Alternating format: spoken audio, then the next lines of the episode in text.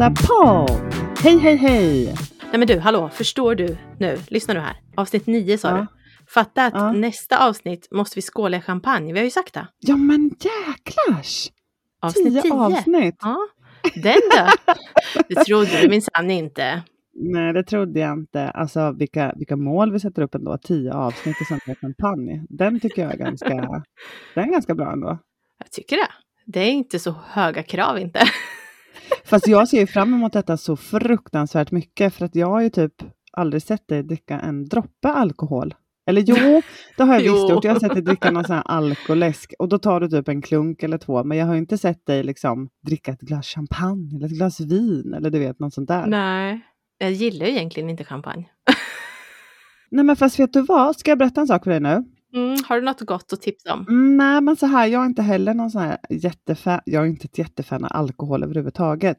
Nej, Men när eller om jag dricker eh, så dricker jag rejält, höll jag på att säga. Nu tänkte jag på han, vad heter han? Edvard Blom. När man festar, festar man och då festar man rejält. Jo, det jag skulle berätta var att jag har faktiskt varit på en sån champagneprovning. Hmm, har du? Oj. Ja, faktiskt. Det här var med ett gäng influencers eh, på Öland. Mhm. Och då var det ja, men en influencer som bjöd in till ett litet event kan man säga eller så. Vi hade en helg där vi umgicks så då var vi Fint ska det vara. champagneprovning. Ja, fint ska Mm. det vara. Så då.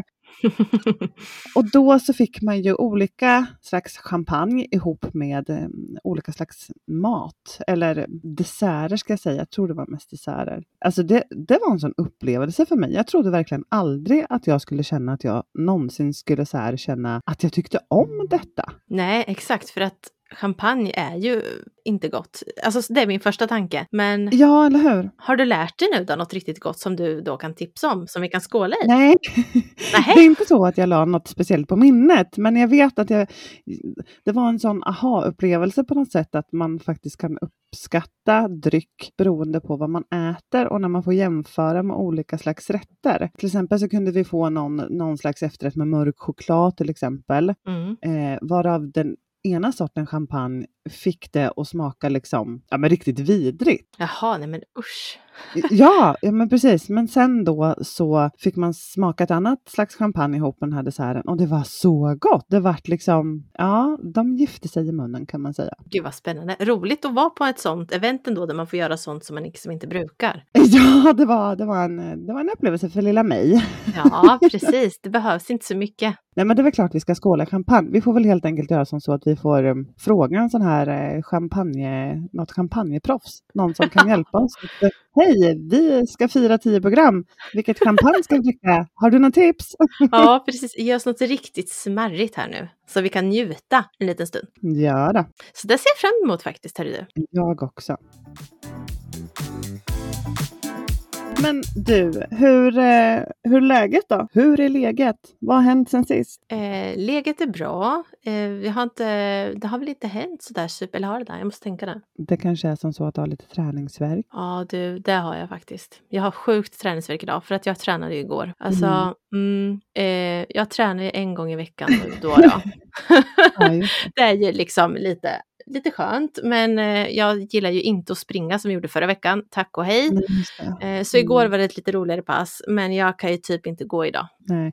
Jag hörde nämligen där på dig förut när vi pratade att du så här, oh, aj, ah.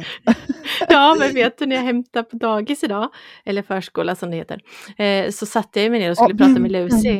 Kände du nu att du var tvungen att säga förskola istället för dagis? Nej, det vet jag inte. Jag säger dagis i och för sig. Fast jag säger förskola också ibland, men ofta säger jag faktiskt dagis. Men du var tvungen att så här rätta dig lite. Hmm. Annars kanske jag får en pekpinne på mig. Strunt samma, då satt jag mig i alla fall ner Ja. och skulle prata med Lucy. Och då bara aj, aj, aj, aj, aj. Och hon bara, gick det bra mamma? Hon trodde att jag gjorde mig illa och jag bara, ja, jag har bara lite träningsvärk. Ja.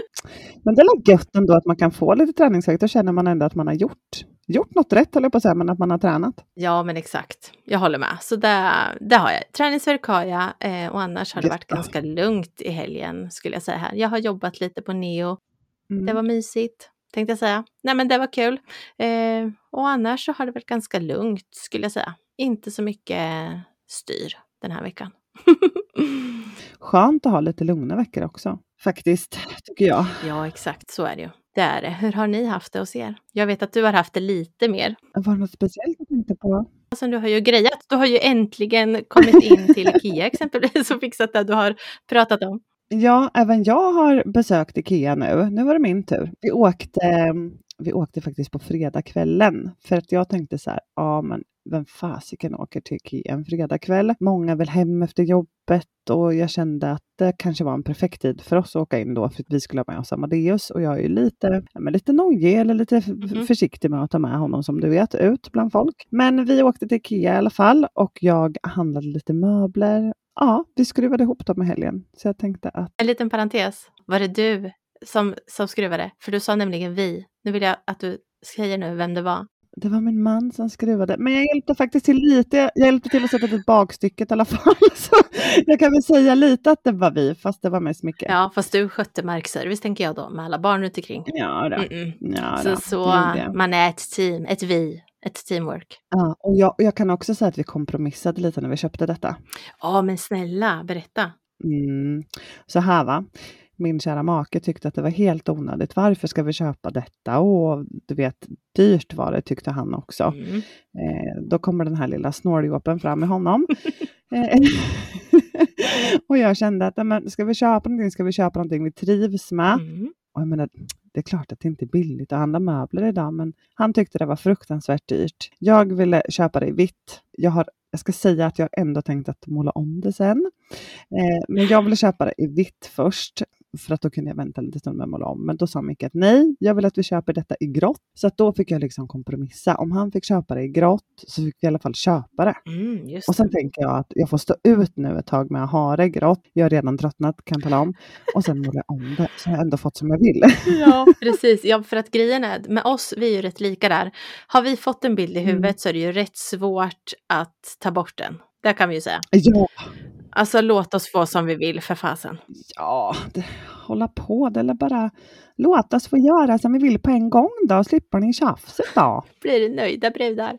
Nej men du, kan inte du berätta vart det är du har eh, köpt nya möbler då? För där måste, så vi ändå får en bild ungefär hur det ser ut. Ja, nej men vi, jag har gjort om i köket. Har jag, gjort. jag tröttnade lite.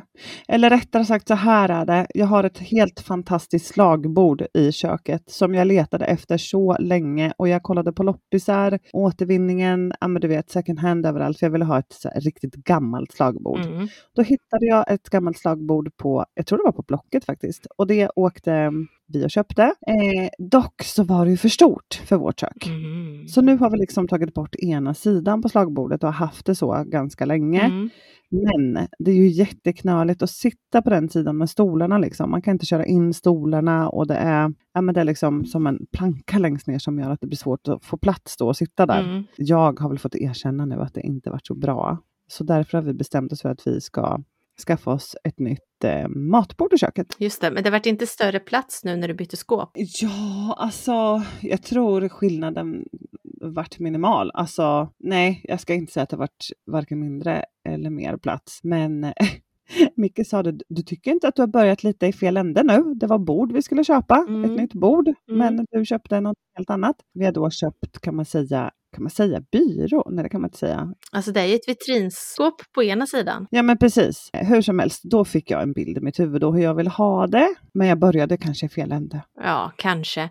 Men alltså, Vi skulle köpa bordet först. ja men precis. Men vad ska du göra med bordet som du har då? Ditt älskade slagbord? För där kommer du väl inte göra det av med? Nej, jag tänker att jag sparar det här bordet ifall man kanske kan ha det längre fram eller kanske i trädgården eller du vet något sånt där. Jag Mm. tänker att jag ska ha kvar det i alla fall. Jag vill inte göra mig av med det för det var svårt att hitta ett som jag tyckte om. Ja, precis. Det är jättefint.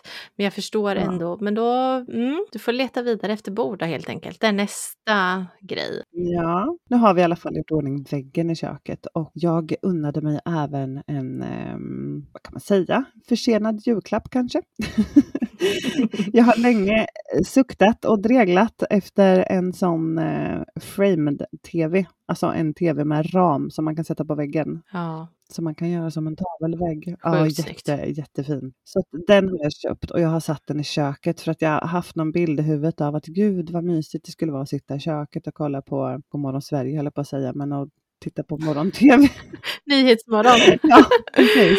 Och sitta där med en kaffe och mysa lite. Så då, då köpte jag en sån tv, så den har vi satt upp på väggen och så ska det upp lite andra tavlor och ramar och så. Det kommer bli jättefint tror jag. Det är klart det kommer bli det. Med detaljen att jag måste måla om skåpet med dem. Men jag kommer till det längre fram. Men det gör du någon dag när Micke är på jobbet eller när han är i skogen eller liknande tänker jag. För vi är experter på att skapa de projekten då som de liksom inte är riktigt med på. Precis, jag tänkte Då kör vi ju dem när de inte riktigt är hemma, så har de inget val. Men låt honom nu njuta av detta gråa skåpet lite tag. Tänker det. Han får njuta det ett tag. Mm, Ja, såklart. Men vad roligt då. Har ni gjort något annat spännande eller har det varit liksom det som har tagit helgen? Är nog vårt Ikea-besök och skruva möbler som har tagit upp vår tid i helgen. Det har varit lite fotbollsmatcher för Mm. grabbarna. Ville och Micke har varit i skogen och jagat. Ja, mysigt. Mm. Annars har det varit ganska lugnt skulle jag säga. Men du, en annan sak som har hänt i veckan som jag gärna vill dela med mig av, vet du vad det är? Vadå? Jag ska bli moster för första gången. Nej men lägg av! Jo, det är sant. Nej, men det är så himla kul. Shit vad roligt. Så himla, himla roligt. Alltså, nu har jag ju vetat det här ett tag, Mm. men nu är det ju äntligen offentligt då. Så Åh. att då kände jag att det vill jag dela med mig av. Alltså så mysigt. Hur kändes det när du fick reda på det? Jag fick ju bara ett sms skickat till mig. Där det stod, det var ett kort på ett gravtest och så stod det Hej moster. Ja. Och då, då började jag ju tjuta såklart. Men gud. Och jag får, vet du en sak? Att jag får lite rysningar nu i hela kroppen, ner på benen. Ja, jag vet. Ja, men det är ju något så himla magiskt. Min syster då, hon har Mm. inte direkt varit som jag. När jag var ung så visste jag att jag ville ha barn och jag ville ha ba- barn tidigt och så här. Hon har mer varit så här, nej men jag vet inte, jag kanske inte skaffar några barn eller alltså hon har varit ganska så här, nej jag vet inte riktigt. Hon har absolut inte känt den här pressen att nu, nu ska jag bilda familj, nu ska jag bli mamma. Liksom. Nej, det tror jag inte. Hon har liksom inte haft det. Och kanske så. inte längtan heller, för alla har ju faktiskt inte längtan efter att få barn och bli förälder eller mamma. Nej men eller hur, nej men hon har väl varit så. Ibland har hon ju skickat ibland att åh jag är lite bebissugen men sen har det varit så här nej nej nej, inte nu, nej gud nej. Alltså, Nej, så att jag varit ju ganska chockad att hon skickade detta för det första. jag förstår det. Ja, men sen vart jag så himla glad och eftersom att hon nu har flyttat hit och bor här nu i stan så är det ju fruktansvärt mysigt. Så ni kan liksom träffas och umgås. Och... Ja. Gud vad mysigt. Jättemysigt, så telefonen går varm kan jag säga då. Kan, Med tusen frågor. det kan jag tänka mig. Vet du ifall det var planerat att de skulle skaffa barn eller kom det som en överraskning? Det låter lite som det kom som en överraskning då. Eh, det kom som en överraskning för då, även dem. Mm. Ja, det var inte planerat. Men de hade nog ingen tanke på att, vad de skulle göra. Liksom. Det var självklart att de skulle behålla det. Det. Eh, så att det ska bli jätte, jättemysigt. Åh, gud vad mysigt. Ja. Kommer du ihåg hur du reagerade när du väntade ditt första barn när du fick reda på det? Hur gick det till liksom? När jag vart gravid första gången så var jag ju ganska ung tänkte jag säga. Nej men jag var ju typ 22 Mm. eller något när jag vart gravid med Leia. Mm. Och då, det var ju typ första gången jag tog ett gravtest. Så jag läste ju på förpackningen där vad man skulle göra då. Här är det positivt eller är det negativt? Och så stod det liksom något, jag tror det stod att man kunde kontakta gyn om det var positivt. Så att det gjorde ju jag då. Så jag fick ett positivt gravtest och ringer då till gyn och de ringer tillbaka till mig och jag säger ja hej, jag har fått ett positivt gravtest. Kissade du på den här stickan eller på gravtestet och sen fick positivt och slängde Mm. det på telefon typ direkt då och så här, ja, hej Ja. jag är gravid. Jag skulle ringa er. Ja. Det stod där, hej hej. Exakt, och hon bara så här i andra luren, ja men det var verkligen så. Och hon i andra luren bara så här, jaha, men ringer du då för att du inte vill behålla det? Eller vad, vad liksom, hon undrar väl varför jag ringde liksom. Ja. Och jag bara, nej men jag vet, nej, eller alltså jag, eller nej, jag vill inte göra bort, eller det tror jag inte, eller, eller du vet så här Mm. tusen miljarder tankar i huvudet. Och hon bara, nej men då kanske du ska ringa kvinnohälsan istället. Jag bara, jaha, okej, hej då. Och sen la jag på. Världens panik liksom. Fast grejen är, vi kanske ska tillägga att nu, nu är ju detta ett par år sedan och Ja. ska man, ska man då säga lite till ditt försvar att eh, information var inte lika tillgängligt då. Nej, det var det faktiskt inte. Men det är ju så Ja. tragikomiskt när jag lyssnar på det nu och det är så roligt när man pratar Ja, om det. Att, nej men jösses, vilken, varför gjorde jag det i veckan liksom? Första plusset Nej, liksom. men är det inte så man är ung, man vet inte vad man ska göra.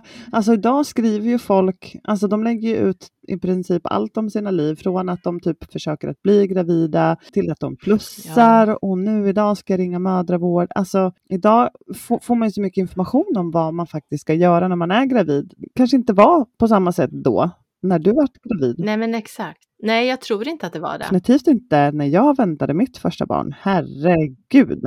Alltså det måste ju du berätta om lite. Nu vart ju det inte som med mig, för du fick ju inget positivt gravtest typ i vecka fem. Nej, det fick jag inte. Nu, ja, och nu låter det väl som att jag kommer från Hedenhös tid eller någonting, men Alltså det, det känns som att det är evigheter sedan, jättelänge sedan. Han är ju 25 år, min förstfödde. Men jag, mm. eh, jag var ju ganska ung till mitt försvar då, var ju bara 15. Eh, och ja. ja, vad ska jag säga? Jag visste ju ingenting i princip. Nej, men alltså hur gick det till när du fick reda på det, att du var gravid faktiskt? Jag hade börjat kissa väldigt mycket. Jag gick på toaletten ofta liksom. Och jag mm. sa det till mamma att amen, jag är ju kissnödig hela tiden. Jag fattar inte vad det är för fel. Och i samma veva så hade min brorsas flickvän precis haft en urinvägsinfektion och fick då behandling för det och fick äta penicillin. Och då så sa min mamma så här att ja, men det kanske är som så att du har fått urinvägsinfektion. Du kanske måste gå och kolla upp det. Okej, ja. så jag. Vart gör man det liksom? Ja, men mm. du skulle ju kunna gå till ungdomsmottagningen, annars får vi ringa vårdcentralen. Ja, okej, okay. så att jag kollade upp då ungdomsmottagningen, att jag kunde gå dit och det visste jag ju givetvis mm. om för att det var ju dit man gick för att skaffa exempelvis p-piller och sådana här saker. Men jag tänkte väl inte i de banorna att jag skulle gå och kolla upp ifall jag hade en urinvägsinfektion där. Nej, precis. Men jag gick dit i alla fall mm. och och eh, får då träffa en barnmorska som heter Britt-Inger. En helt fantastisk kvinna. Träffade du henne där alltså första gången? Ja, jag träffade Britt-Inger, min barnmorska, för första gången på ungdomsmottagningen. Och mm. hon släpper in mig och frågar lite så här, jaha, hur mår du och varför är du här? Och då fick jag berätta att ja, men jag, jag kissar väldigt mycket och min mamma tror att jag kan ha urinvägsinfektion. Mm. Jaha, Okej, okay, gör det ont när du kissar? sa hon. Jag, vet, jag minns så väl att hon frågade. Mm. Och jag bara, nej, nej det gör inte ont när jag kissar. Nej, okej, har du känt något annat obehag? Nej, nej det har jag inte gjort. Och sen så kom följande fråga då när hon undrade när jag hade mens sist. Ja, just det. Och det sjuka var ju då att jag hade ju då haft blödning två veckor innan detta. Så att, mhm. det var ju nyligen, så jag bara ja, jo men jag hade mens för två veckor sedan. Mm. Okej, okay, sa hon. Ja, men vi kan väl göra som så att du får lämna ett urinprov och så får vi kolla lite hur det ser ut med en mm. sån här sticka då ifall det påvisar att det kunde vara en urinvägsinfektion. Ja. Så att jag kissar i en liten mugg och lämnar den och så och hon tittar och tycker väl att nej, inget ser konstigt ut. Kan det vara så att du är gravid, säger hon då. Och jag bara tittar på henne och bara nej, Absolut inte. Jag hade ju mens för två veckor sedan. Liksom. Absolut inte. Okej, sa hon då. Är det okej om vi tittar ändå ja. med en sticka? Ja. Men jag bara, ja, gör vad du vill. Alltså det var ju inget som, som var jobbigt för mig överhuvudtaget. För att jag var ju så bombsäker på att det finns ingen möjlighet. Nej, precis. Och sen kollade hon på en sticka och det visade ju då positivt att jag var gravid. Och då fick jag en chock. Jag bara, ja, jag bara satt där och jag bara tittar rakt fram och jag bara, va? Vadå? Jag förstår ingenting. Nej. Det var så, alltså jag, jag, jag kände mig så tom. jag, jag minns det här så väl, men jag bara satt där och det var nästan som att hela världen stannade för mig. Jag satt där som i en bubbla. Jag visste varken ut eller in. Det var ju liksom en chock för mig. Ja, alltså sitta där och sen på ungdomsmottagningen och få reda på att du är gravid. 15 år gammal. Ja men precis och jag trodde ju att i stort sett skulle vara omöjligt eftersom jag hade precis haft mens. Ja. Men eh, Brittinger då tyckte att vi skulle göra en gynundersökning så att hon fick känna lite på livmodern och titta lite och sådär. Så att då fick jag göra en gynundersökning. Mm. Och då så kände ju hon på min livmoder att den var ju ganska stor. Ja.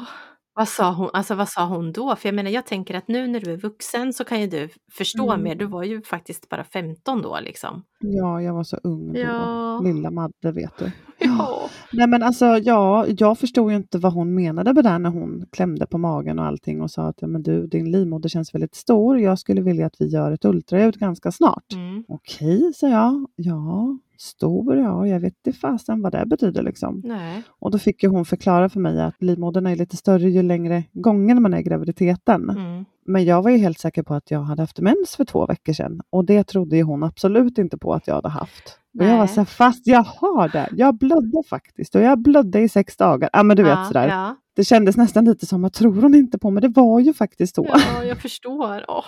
Men vi pratade efter detta och hon förklarade för mig att du måste gå hem och berätta det här för dina föräldrar. Känns det okej att du gör det? Vill du att jag ska hjälpa dig? Vill du att jag ska ringa? Vill du ha stöd? Ja, men hon var jättegullig verkligen. Ja. Eh, Men jag lovade ju henne då att jag skulle gå hem och berätta det här för min mamma. Berättade du för Gun? Ja, ja, jag kommer till det. Mm. Eh, jag fick i alla fall en tid för ultraljud och det var, jag tror typ två veckor efter att jag hade varit på ungdomsmottagningen. Mm. Och hon kramade om mig, hon var så himla gullig, hon såg väl att jag var helt chockad liksom. Ja. Och så lovade jag gå raka vägen hem. Den vägen hem kan jag säga, den var väldigt lång. Den var lång, lång, lång. Världens längsta omväg tog du också. Ja, världens längsta, men jag gjorde faktiskt det. Mm. Så att jag lämnade ungdomsmottagningen och sen så gick jag sakta men säkert hem. Jag gick förbi skolan. jag satte mig utanför skolan en stund och där satt jag och tittade lite och tittade upp i luften och bara försökte gå igenom hur jag skulle berätta detta för Ja. min mamma. Eh, men sen i alla fall så kom jag hem till slut. Ja. Ehm, jag går in i hallen. Jag kommer ihåg det här så himla väl. Alltså jag kan fortfarande när jag blundar när jag tänker på det här så ser jag liksom, jag känner av hur rummet såg ut, hur det kändes, hur, vad det luktade. Alltså Åh. jag kommer ihåg den här situationen så väl. Så jag går in i hallen och jag hör att mamma håller på i köket och grejar. Mm. Eh, och hon hälsar, hej hej Madde, det, det, det. Och Våran hund sprang fram och hälsade på mig. Och eh, han kände väl direkt att det var någonting med mig. Liksom. Ja, såklart. Han bara satte sig på golvet och började titta på mig. att Shit, vad är det liksom? Varför gråter du för? För att jag hade ju gråtit ganska mycket också på vägen. Ja, det förstår jag. Och sen så frågar mamma, jaha, hur gick det idag då? Jo, det gick bra, säger jag. Okej, hur var det i skolan? Ja, men du vet det Mm, vanliga. mm. Ja, det var bra det med. Ja, men hur gick det på ungdomsmottagningen då? Jo, det gjorde det. Jo, det gjorde. Mm, hon bara, vadå, hade du urinvägsinfektion? Nej, det hade jag inte. Nej, vad var det då? Ja, just det. Nej, men vadå just det? Vad är det? Ja. Och då var jag helt tyst och sen uppstod en ganska lång tystnad. Sen hör jag hur min mamma skriker Du är gravid! Så det var liksom som att hon fattade då. Polletten trillade ner utan att jag ens hade behövt säga det. ja, nej men gud. Och då började jag gråta liksom. Och min Ja, mamma såklart. blev typ hysterisk. Och på den Mm. tiden så rökte min mamma. Så att hon tände en blå Blend. Och behövde lugna sina nerver. Ja, hon behövde lugna sina nerver med en blå Blend. Och hon rökte och slog sig själv för bröstet. Och så sa hon så här. Åh herregud, åh herregud, vad ska pappa säga? Åh herregud. Och så tog hon en ny cigarett och så rökte hon den och så sa hon åh herregud, åh herregud. Men din pappa var inte hemma då alltså när du berättade det här för din mamma? Nej, min pappa var inte hemma då. Han var faktiskt inlagd på sjukhuset eh, vid den här tidpunkten för att han hade problem med sin mage då. Okej. Så han var inte hemma, men han skulle ju då komma hem inom två dagar tror jag. Han Ja. var inlagd i två dagar och fick antibiotika och lite sådär. Men de här två dagarna var ju så långa och min mamma var ju, alltså hon var ledsen och hon var arg och hon var, alltså det var nog mycket känslor för henne, vilket jag förstår Mm. eh, idag. Om jag skulle försöka föreställa mig samma sak med mina barn då. Och jag var mest, jag, jag kände mig mest tom. Jag fattade ingenting, absolut ingenting. Jag var helt nollad och kunde liksom inte in några känslor överhuvudtaget. Jag var helt blank kan man säga. Ja, i chock kanske. Ja men, ja, men lite så. Ja. Eh, men jag berättade ju också för min mamma att, jag, eh, att de ville göra ett ultraljud Mm. För att de inte visste långt var gången. Och min mamma sa ju det, men det kan ju inte vara långt gånget i så fall, för du, du blödde ju för två veckor sedan. Ja, så det. min mamma visste ju också att jag liksom hade haft mens precis, så hon var väl inte så orolig för att jag hade gått långt. Nej. Jag tror att det var ganska självklart för henne att jag nog faktiskt skulle gjort abort. Ja. Jag hade ju min plan att jag skulle plugga samhäll och sen så skulle jag plugga till polis. Jag ville bli polis, har alltid velat bli polis. Mm. Så jag hade ju min plan utstakad liksom. Alltså just då när du kom hem och allt det här och berättat allt så var ni ändå ganska lugna då sen efteråt eller för att ni tänkte att det liksom löser sig? Ja, det tog nog ett tag för min mamma att lugna sig. Och jag vet inte, jag hade nog inte bestämt mig för vad jag ville göra, för jag var ju så chockad så jag fattade ingenting. Men självklart hade jag, med tanke på min ålder och med tanke på vad jag hade för planer i mitt liv, kanske övervägt att göra en abort. Mm. Man var ju verkligen inne på den linjen, men självklart så var det upp till mig alltid, liksom, Mm. såklart. Mm. Eh, De här två dagarna gick och jag var ute i våran trädgård och min pappa kom hem. Och det här är också en, en situation som jag heller aldrig kommer glömma, för jag var så nervös. Gud, vad skulle pappa säga liksom? Men var du tvungen att berätta för honom eller hade, han, eller hade din mamma redan berättat för honom innan han kom hem? Liksom? Ja, tanken var väl att jag skulle berätta för honom när han kom hem. Mm. Men min mamma hade redan berättat för honom då och det visste inte jag. Nej. Jag står i trädgården och min pappa kommer hem från sjukhuset och går raka vägen fram till mig. Och sen så kramar han om mig och så säger han, lilla gumman, det här går bra ska du se. Vi älskar dig, du vet. ja. Där. Så det var liksom inga, han var inte arg eller någonting, Nej. utan han var verkligen så lugn, verkligen. Ja, men bara kramade om mig och sa att det fixar sig och det var så skönt att, att få landa i det. Ja men det förstår jag. Alltså bara veta att man har den tryggheten och känna att de finns där hur den blir. Ja, ja men precis. Mm. Och sen då efter de här två veckorna Mm. så skulle vi på ultraljud och då, eh, och då följde min mamma med. Eh, och vi kommer in på det här ultraljudet eh, och då kommer nästa chock. Mm, det var det jag skulle säga, jag antar det då. Ja, då kommer chock nummer två. Jag tänker mig då att jag inte ska se någonting överhuvudtaget. Nej. Men ser då ett barn i magen med men, huvud, händer, fötter, ben. Han tuttade på tummen. Så att det var ju så här, va? Nej men gud, det var ju ett barn liksom. Ja, gud, alltså vilken chock ändå. Ja, det var en chock. Och där och då så kände väl jag, gud, jag kan inte ta bort det här. Det är ett, det är en människa i mig. Det är det är ett barn. Eh, man hade lite svårt att fastställa hur långt gången jag var på det här ultraljudet. Ja. Bebisen då, Viktor, han låg så långt bak i ryggen på mig. Det syntes ju inte att jag var gravid, ska jag säga. Jag var ju, jag tror jag vägde typ 55 kilo och 170 centimeter lång. Så att det Ja. var ju helt platt, liksom. det syntes inte. Så sjukt. Så man hade lite svårt att fastställa hur långt jag var gången för att han låg lite knöligt. Mm. Så vi fick komma tillbaka och göra till ultraljud. Och under tiden eh, som vi väntade på den här nya tiden då så Mm. fick jag gå och prata med en eh, kurator, en psykolog på sjukhuset för att jag var så ung. Mm. Och det var inte, det var inte så en rolig upplevelse för att hon, eh, hon satt där och förklarade för mig hur stort ansvar det är minsann att bli mamma. Eh, Mm. vad som krävs för att bli mamma, både ekonomiskt och av andra anledningar. Liksom. Ja, jag förstår. Så att jag kände att gud, jag kände mig verkligen så nedtryckt när jag satt där. Jag kommer ihåg det så väl. Ja. Och då så la hon upp, hon la upp två alternativ för mig i princip. Ja.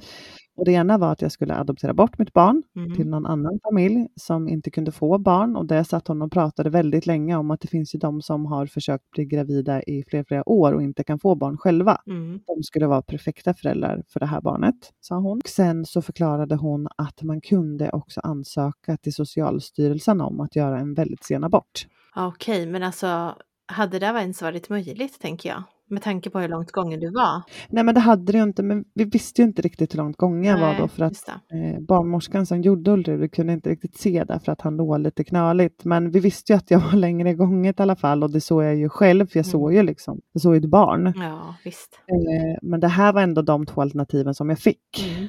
Och det var ju liksom chock nummer tre då. Okej, först jag är gravid. Två, jag är väldigt långt gången. Tre, jag kommer inte ens få behålla mitt barn. Nej, exakt. Alltså, Så det var ju väldigt tufft för mig. Men jag pratade med mina föräldrar om det här och min pappa var väldigt stöttande i det här och menade på att du ska minsann visst få behålla ditt barn Mm. eh, och vi stöttar dig. Och sen fick vi komma tillbaka och göra ett nytt ultraljud och då fick vi då reda på att jag var ju liksom i slutet av sjunde månaden. ja, herregud. Så då, chock nummer fyra. Nej men alltså från att du, eh, en fråga bara, nej men från att du fick reda på att du var gravid tills att Viktor föddes är ju inte Mm. alls speciellt lång tid egentligen. Nej, Nej. Jag hade väl typ knappt tre månader på mig att ställa om att Ja. bli mamma. Liksom. Så himla sjukt egentligen. Ja, och för mina föräldrar också givetvis. Helt plötsligt skulle det komma en bebis hem till oss. Ja, precis. Ja, för du måste ju bott hemma de första åren. liksom. Jag bodde ju hemma eh, när Viktor föddes och det skulle Mm. ordnas med spjälsäng och vagn och när man kläder, allt som man behöver när man väntar barn. Mm, såklart. Så det var ju inte heller, alltså nu blev det ju jättebra, men det är inte så här kanske det ultimata man tänker på när man ska vänta sitt första barn. Det är inte bara lycka och efterlängtat och allt det där som man kan se mycket av kanske på social media, utan det kan ju faktiskt komma på olika sätt, verkligen. Ja, men eller hur. Absolut. Och det är ganska viktigt Mm. att lyfta det också tycker jag och berätta hur det faktiskt kan vara. Absolut. Att man kan få reda på det väldigt sent och att man kan få panik och ringa gyn. Båda delarna finns. Båda delarna finns. Ja, men det vart ju väldigt, väldigt bra ändå. Ja, det har varit väldigt bra ändå såklart.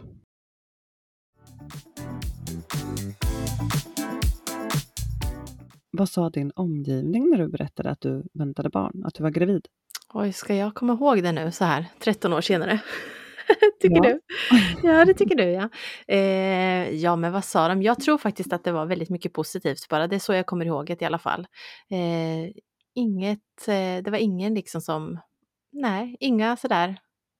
Nej, jag tror bara att det var positivt faktiskt. Vad sa dina kompisar? Jag menar, du var ju ändå, nu var du ju inte superung, men du var ju ändå ung, tänker jag. Nej, ja det var jag ju och sen var jag ju bland de första liksom som fick barn bland alla sådär. Men eh, jag tror inte, jag hade ju slutat liksom lite med det där att festa innan. Så jag hängde väl inte så mycket med dem ändå på det sättet som vi gjorde liksom i slutet. Så att jag tror att det föll sig ganska naturligt ändå. Att det liksom, ja men du vet. ja. Vad sa Rickards familj och Rickards vänner när han berättade? Kommer du ihåg det? Var det samma positiva inställning? Och... Ja, men det, jag tror att de varit lite chockade ändå och tror att liksom, jaha, ja, men ska du inte vara med alls nu då och festa med oss grabbar? Ja, men du vet lite sådär. Jag tror det är lite mer sånt där. Mm. Men eh, sen tror jag inte att de vart ledsna på det här sättet. Men det Mm. tog ju många år sen eh, tills att hans killkompisar också fick barn liksom. Vi var ju bland de första. Just det. Så Mm. att, eh, och då har, när man lever så olika liv och får barn och sådär så glider man ändå ifrån varandra lite grann. Men det är väl också ganska naturligt, tänker jag, när man, som du säger, när man får barn, när man går in i nästa fas i livet, eller vad man ska Mm. säga. Man behöver ju absolut inte, jag tycker inte alltså, att man behöver säga upp bekantskaper och sluta Absolut leva inte. för att man får barn. Men det följer sig nästan lite naturligt, kanske att man inte har samma kontakt som man hade innan. Nej, exakt så är det ju. Man är ju på olika platser i livet på något sätt och vissa lever ju fortfarande kvar i det gamla och då Mm. har man ju inte så mycket gemensamt på något sätt längre. Nej. Sen är det alltid kul med en reunion. Mm, Ja, det är det. Det har ju faktiskt Rickard gjort med sina kompisar eh, Mm. för några år sedan och sen eh, har ju vi även börjat umgås lite mer som familjer tillsammans med en av hans barndomsvänner. Så det är ju också jättekul. Mm. Gud vad roligt. Ja, men det är nu på senare år. Så så är det. Så jag har mycket positivt i alla fall i början. Sen ju fler Ja. barn man har fått, om vi ska gå in på det, så har det ju varit lite mer, alltså kanske inte från min familj, men eh, utomstående människor som tittar lite och så här, nej men herregud, igen. Du tänker då när barn fyra och fem har kommit? Mm, precis. För det första då är det så här, ja, nu försöker de ju till en son. Den grejen har man ju hört flera gånger. Eh, Mm. Att jag upplevde, framförallt med nummer fyra, eh, alltså Mm. Lucy, då var det som, jag var skitglad för att hon var en flicka. Jag var absolut inte ledsen över det. Men Nej. det var precis som att när folk, när jag berättade det här för folk så tittar de lite nedvärderande så här, jaha, åh, en till flicka. Och jag bara, ja, alltså vadå? Precis som Mm. att de inte trodde på mig att jag var glad. Det har jag tyckt har varit jätte, jättejobbigt. okej. Nej men det är väl klart att få, alltså det är väl roligt att få både pojkar och flickor men man blir ju absolut inte ledsen för att man inte får båda könen tänker jag. Nej, Jag kan bara säga till mig själv när jag då fick reda på att jag väntade Änglafria efter tre grabbar. ja, hur var det liksom? Ja, men jag hade ju verkligen drömt om att få en dotter. Det var, Mm. det var verkligen min, eh, ja, men min högsta dröm och det handlar inte om att jag inte älskar mina söner lika mycket som mina döttrar. Tvärtom, alltså jag älskar alla mina barn ovillkorligt lika mycket givetvis men det var Ja, väldigt såklart. speciellt för att jag alltid hade önskat mig nej, att få en dotter. Mm. Men då kommer vi till det här då, att det här är lite tabubelagt att berätta om eller prata om överhuvudtaget. För man Mm. får inte önska ett kön. Alltså förstår du vad jag menar nu? Men säger man att man gör det, då blir man ju Mm. hängd för det liksom. Det är väl klart att man får önska ett kön. Det där, det där tycker jag är lite larvigt på något sätt. Mm. Jag vet inte. Ja, men som nu när vi väntade Amadeus, då Mm. önskade jag verkligen att jag skulle få en liten pojke. Ja, Men sen hade inte jag blivit ledsen eller upprörd eller brutit ihop för att om han hade varit en flicka liksom. Absolut inte. Men Nej, det är väl klart att man får önska, det får man väl om allting. Men det behöver ju inte betyda att man älskar sitt barn mindre på något sätt. Nej, men det är så jag upplever att det känns som att folk tänker så. Att det är väl likadant som när vi var och åt glass i somras. Jag tror att jag har berättat det för dig. Och, och så satt vi där med alla våra barn och så bara, oh, gud, är alla dina, är det alla dina tjejer? Ja. Så här, ja oh, gud, fem tjejer allihop och hon i vagnen med. Ja, jaha Mm. gud, ja. Eh, vad var det hon sa? Hon sa ju någonting, att ett misslyckande på en liten son eller något sånt där, du vet. Nej men gud! Ja, men det här säger hon framför mina barn. Alltså, Aha. då tänker jag, hur tänker man då? Och jag visste ju inte hur man skulle reagera. Jag vart så här, nej men vänta nu här, vad sa du precis? Eller alltså, nej, jag har ju inte strävat efter att få en son. Alltså det är inte därför jag har skaffat mina barn. Nej men det är väl absolut inget misslyckande att få fem döttrar. Jag har också fem döttrar. Ja. Eh, och jag har sju söner. Jag menar, herregud, könet spelar ingen roll. Nej, jag vet. Men varför, hur kommer det sig att man känner som, det här var en människa jag absolut inte kände. Mm. Hur kommer det sig att hon säger så? Ut, alltså hon menar ju säkert inget illa, men det låter ju inte så snyggt. Ja, nej jag vet inte. Och egentligen, det var ju väldigt plumpt av henne, den här personen, att säga så till dig. Och Mm. människor kan ju vara, alltså människor kan ju vara lite taktlösa ibland, har man ju märkt. Ja.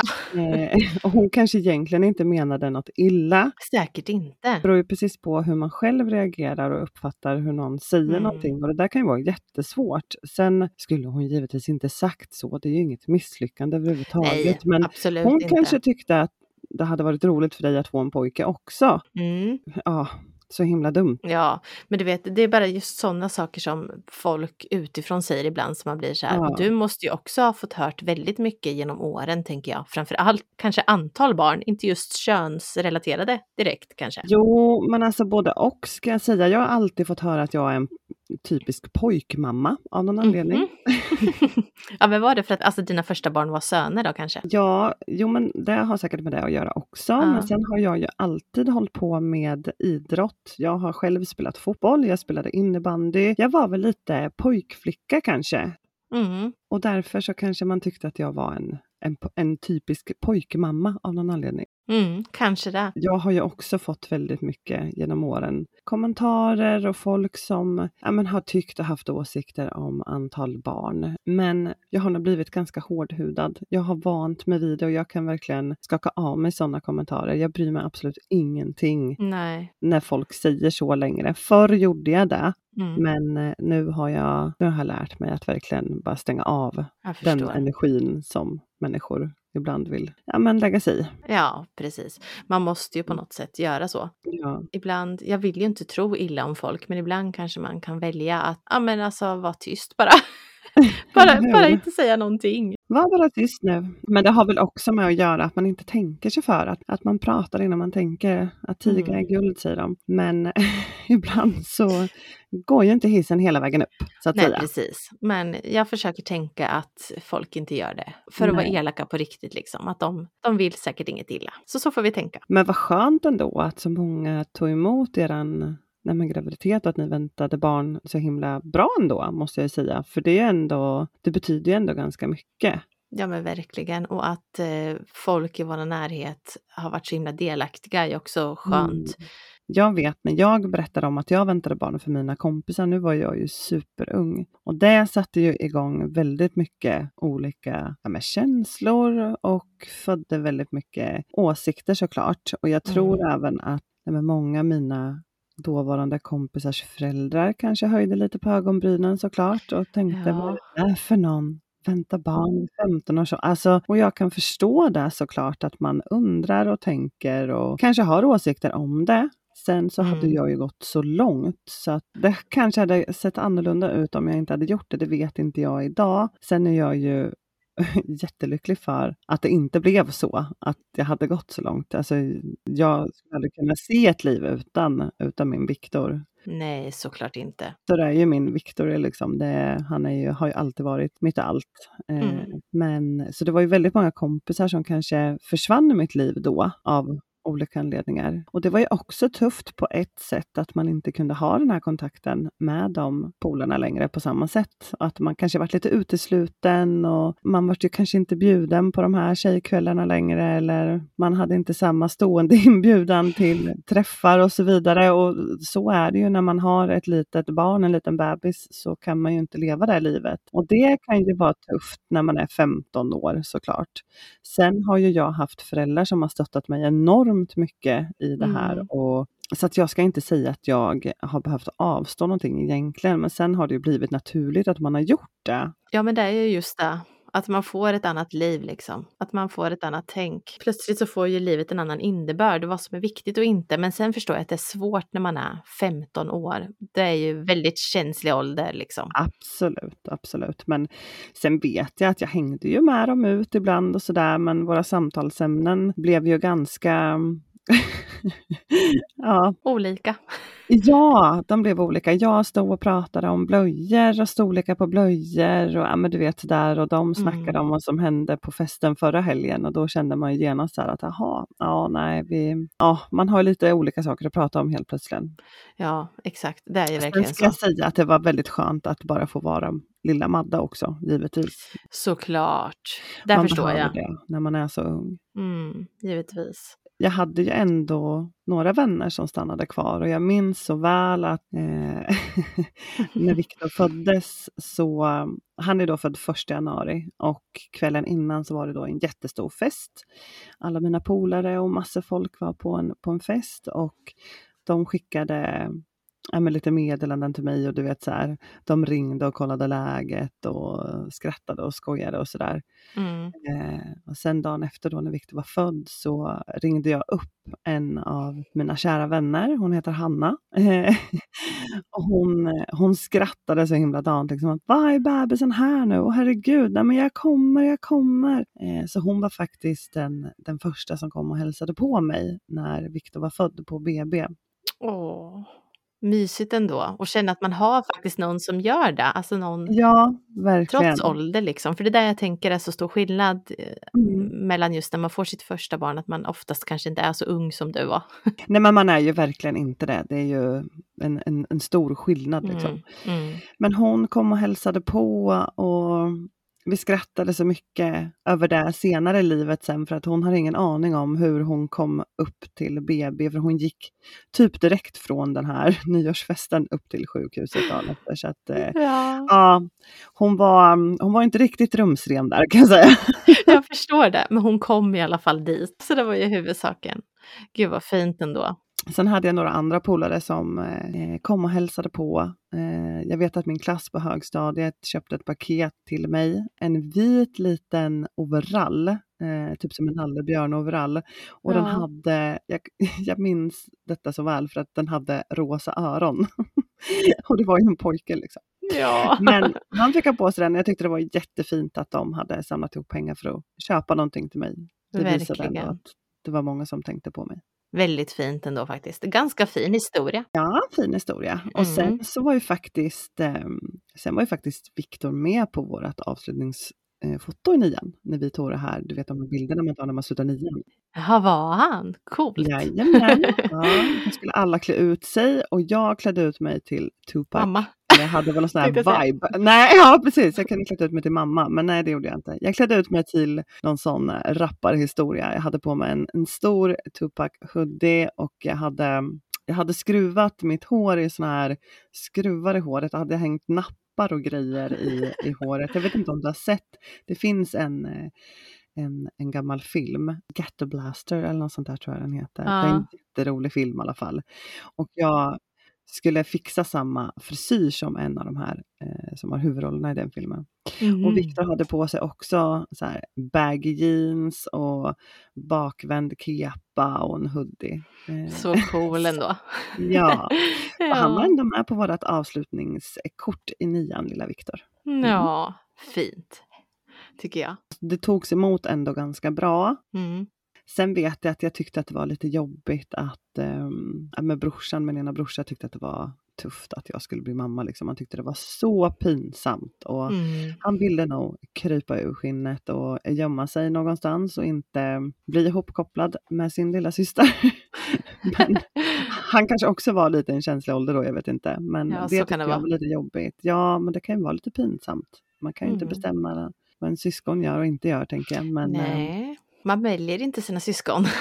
nej, man väljer inte sina syskon heller. Men jag vet att han tyckte det var lite pinsamt att jag skulle bli en ung mamma. Med facit i hand så har det ju blivit sjukt bra ändå. Det har blivit superbra ju. Snabba frågor. Är du redo för lite snabba frågor, Angelica? Det tror jag. Så peppad. jag vet att du inte är det, för jag vet att du alltid blir så himla nervös över det här. Ja, exakt. Men jag kunde ju försöka i alla fall. Men shoot, shoot, shoot. Yes, yes, yes. Då säger vi så här, den första frågan kommer nu. Mhm. Vilken är din mest värdefulla ägodel? Min telefon. tror jag. Är det det? Det var, nej, det var det första jag tänkte. Alltså, för det ska ju vara en sak, tänker jag nu. Annars hade Ja, jag ju sagt hela min ägodel, familj. liksom. Men ägodel är ju en sak. Eh, min säng tycker jag om också i och för sig. Men, Okej. eh, nej, men jag skulle nog kanske inte klara mig utan min mobiltelefon. Mm, Okej, tråkigt Okej. svar. tråkigt svar. Din telefon, allting rymmer i telefonen. Hela ens liv är i telefonen. Vad skulle man göra utan Exakt. telefon? Precis. Har du någon gång testat att lägga undan din telefon i mer än ett dygn? Nej, aldrig. Aldrig så länge. Har du? Hur länge har du varit ifrån din mobiltelefon som längst? Alltså kanske ett par timmar högst. Fy vad hemskt det här är. Ett par timmar? Ja, Alltså, kanske att man lägger bort den ett par då, timmar. eller? Nej men, du vet, nej, men alltså man, man kan lägga bort den ett par timmar om man gör någonting men oftast så går man ju tar den för att man behöver göra något och då fastnar man ju lite grann. Okej. Eh, ja, men till exempel att man ska, ja, men jag, jag måste googla det där eller jag ska göra det där och så helt plötsligt har man ju fastnat lite grann. Just det.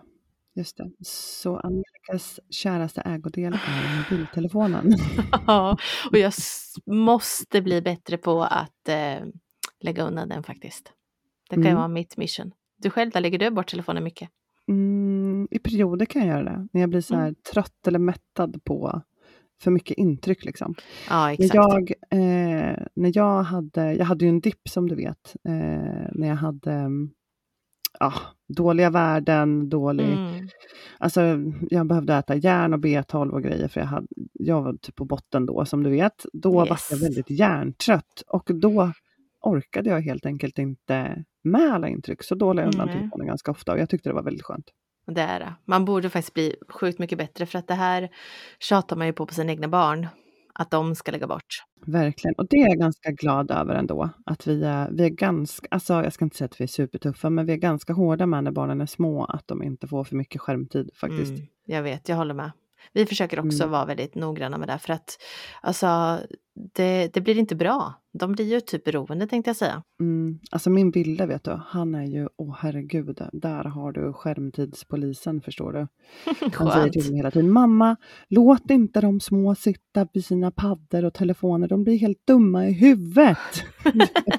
han har läst väldigt mycket om det här. Ja, nej men jag förstår. Alltså, och jag håller ju med att man, man har ett ansvar där. Man kan inte bara låta dem Ja. Nu gör inte varken du eller jag det, det vet ju jag. Men det finns ju mycket andra människor som kanske bör tänka till lite grann där. Eh, vi har ett ansvar. Ja, vi har ett ansvar, men sen är det också väldigt lätt ibland att man har kastat, ja men kolla här då på Bolibompa Mm. eller kolla här Mm. på, ja men typ så. Det är väldigt lätt att göra så när man själv kanske är lite upptagen ibland. Mm, Så att jag förstår att det är väldigt lätt eh, och det underlättar också kanske väldigt mycket i vardagen. Men Mm. mindre skärmtid till barnen, Box. Och till oss föräldrar också kanske. ja eller hur? eller hur? Här kommer andra frågan då. Är du beredd? Yeah, ja, redo? Ja. Vilken är den största läxan livet har lärt dig? Men gud. Eh, nej men jag tänker att någonting som har hänt som har gjort att jag tänker till kanske då, eller? Som gör att jag är lite mer tacksam till livet. Jag tror att jag vet vilken den största läxan i ditt liv är faktiskt. Säg först då. Det är sjukt att jag känner dig så bra nu så att jag vet det. Ja, vi får se då om du känner mig så bra nu då. Ja, jag ska hjälpa dig lite här nu. Jag tror den största, ja, jag tror den största läxan i ditt liv är när ni köpte ert hus. Ja, det är det faktiskt. Det är det. när vi köpte vårt hus. Och det skulle vi ju kunna gå in på långt. Långt, långt, långt. Vi kan väl dra en lång historia lite kort då? Eh, vi köpte ju vårt hus. Eh, vi köpte det privat kan jag säga.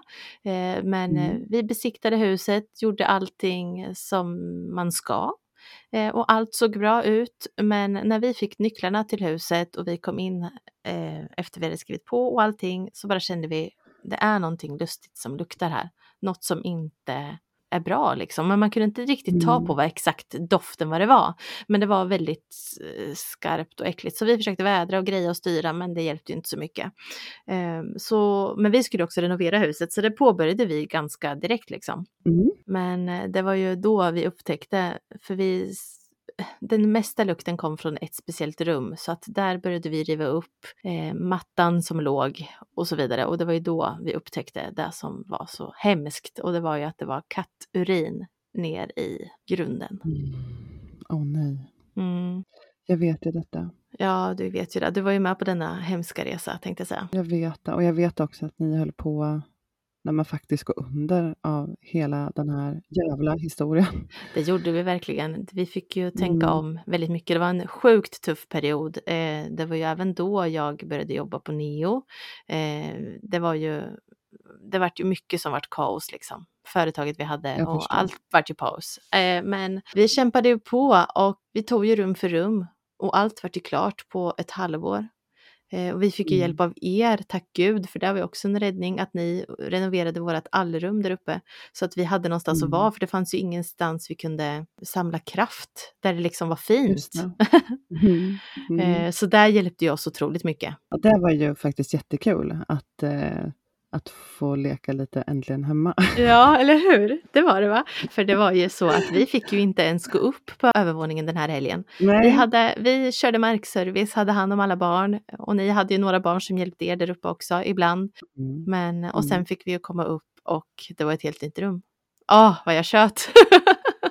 Ja, jag kommer ihåg det här. Det var så himla kul. Alltså vi gjorde, och det var ganska, det är inte så att det bara var ett rum. Det kan man inte, alltså det var ju väldigt stort. Ett väldigt stort allrum var det ju då. Ja, det kan man säga. Eh, och det var ju också så att den här ah, kattpisset då, eller Mm. urinet då, hade ju även gått ner i själva balkarna eller vad man ska säga på övervåningen också. Så vi, Det var ju överallt. och bytte ut överallt liksom. Men Mm. jag, det var faktiskt väldigt roligt att göra detta på en helg. Man Mm. hade liksom ett mål att man skulle bli färdig och nej men, allt piff runt omkring förutom den här renoveringen också. Ja, Men Ja. inreda, bli tapetserade, alltså ja, det var så himla kul och väldigt coolt hur mycket man hann med på den här helgen. Ja, helt sjukt. Det var ju fantastiskt gjort. Så det var ju väldigt, väldigt skönt. Det var ju något lite positivt som vi behövde mitt i allt då faktiskt. Mm. Så det var ju Mm. en räddning. Men det är mycket man skulle vilja göra om. Alltså, tänka om. Mm, Hade vi förstår det. vetat så hade vi ju aldrig köpt det här huset. Nej. Det är mycket som gör, mycket där som ligger kvar i mig som gör att jag kanske vill flytta ibland. För att jag vill börja om och starta och känna liksom att man vet vad det är man köper i så fall. Men det kanske är för att du har sådana jobbiga minnen från start från huset. För att huset är ju jättefint nu. Ni har ju fått så himla fint och det är ju liksom, hela huset är ju renoverat och det är ju verkligen superfräscht idag. Det, ja, ja, ja, det finns ju ingenting kvar och vi har ju renoverat allt och vi har ju gjort om flera gånger om, ska jag säga. ja. Eh, så nej, vi har det verkligen inte dåligt på något sätt. Men en stor fet läxa blev det, så att säga. Så ja. du har lärt dig en läxa om att inte köpa ett hus privat. Kanske, dock så är det, känns det fel att säga så också, för att vi gjorde ju allt rätt. ja, jag vet. Ni vart lurade egentligen kan man säga. Skulle jag vilja påstå. Ja, det Mm. känns ju lite så faktiskt. Eh, Mm. Ja, Då kommer nästa fråga här då. Apokalypsen börjar om en timme. Vad är det första du gör? alltså va? Jag googlar apokalypsen. Gör det. Mm. Gör det. Jag gör det, det är det första jag gör. Vet du vad det här är alltså på riktigt? Jag, jag älskar dig Angelica. Ja, älskar jag vet att du gör det. mycket. Men Förlåt. du är så jävla elak, för du visste detta. Du är ett as. Nej. Ska jag läsa då? Vad menas med apokalypsen? De två grekiska orden apo, som betyder bort, och kalyptein, det som döljer, bildar tillsammans ett begrepp som innebär att man avtäcker något. Det betyder i stort sett jordens undergång då. Mm, det gör det. Jag ser det. Mm. Den yttersta Mm. tiden med jordens och mänsklighetens undergång. Ja, okej. Nu kan du svara på frågan. Vad gör jag då? Nej men snälla, vad är det för konstig fråga? Vad jag gör? Får panik. Försöker rädda Mm. min familj. Nej, jag vet inte. Vad gör du? alltså, vilken jäkla fråga alltså. Åh, Du kan väl tänka på det då till nästa ja, gång. det- det kan jag göra. Återkommer. Jordens undergång är på väg. Vad gör du? Du har en timme på dig. Ja, nästa fråga tack. Gud vad alla får skratta nu. Herregud. Ja, det får vi bjuda på. Ja, men det, ja, men det är lite kul. Det är det som är lite kul. på mitt, ja det är ju alltid det. Du får folk att skratta på min bekostnad. Men grejen är att det är så många som känner igen sig också. Det är Ja. det som är så roligt. Det är väl tur det kanske. Vilken är den mest pinsamma raggningsreplik som du har fått? Det, det där lät som att du hade fått många pinsamma. Nej, jag tänkte precis på att har jag någonsin fått någon ragg, raggningsreplik tänkte jag säga. Ja, men dra inte rillet till med något. Här står du och smular. Ser kexet står det här och smular. Nej, han hånglade upp mig mot en kyl. Mot en kyl bara sådär. Ja visst, på en fest. Så var det med det. Vilken? Ja visst. Rille då? Ja, så var det med det. Ja. Så ja, Han gick pang, pang på rödbetan som man säger. det kan man säga. Får, jag, får jag fråga dig en sak nu? Mhm. Vet du vart det uttrycket kommer upp ifrån? Pang på rödbetan. Ja, det vet jag faktiskt, för det här betyder väl just lite så pang på detta. Sex alltså. Gör det inte det? Rödbetan, rödbetan. Rödbetan. Nej men allvarligt, det är väl pang på rödbetan, det kommer väl därifrån. Det måste jag googla nu igen. Jo, det är så. Rödbetan är ju då fiff, själva fiffi kan man säga. Ja, det är sjukt. Ja, men då hade jag ändå rätt. Pang på rödbetan. Ja. Yes box, okej. Okej. Så att du har inte fått några pinsamma raggningsrepliker någonsin då? Nej, inte vad jag kan komma på på rak arm. Vad är det galnaste du någonsin gjort, Angelica? Nu måste jag fundera. Fasen. Har du gjort något galet i ditt liv? Eh, herregud. Ja, en gång så drack jag kaffe utan socker. Det var riktigt galet. Ja, det var jävla galet då. Nej, men vad har jag gjort för galet i mitt liv? Kanske då när man var ung och dum och festade och blandade massor olika sorts häxblandningar av olika sorters hembränt exempelvis. Alltså, vad är det för något att hålla på med? Det var det galnaste du har gjort. Du har inte så här kanske, du vet, sprungit naken på torget eller? Nej, det, det har jag inte gjort. Nej, inte sprungit naken på torget. Eh, Okej. Nej, nej, jag har inte det. Tyvärr, har du? Nej, jag har faktiskt inte sprungit naken på torget. Nej. Det har jag inte gjort. Inte dansat naken på Sergels torg? Nej, inte det heller.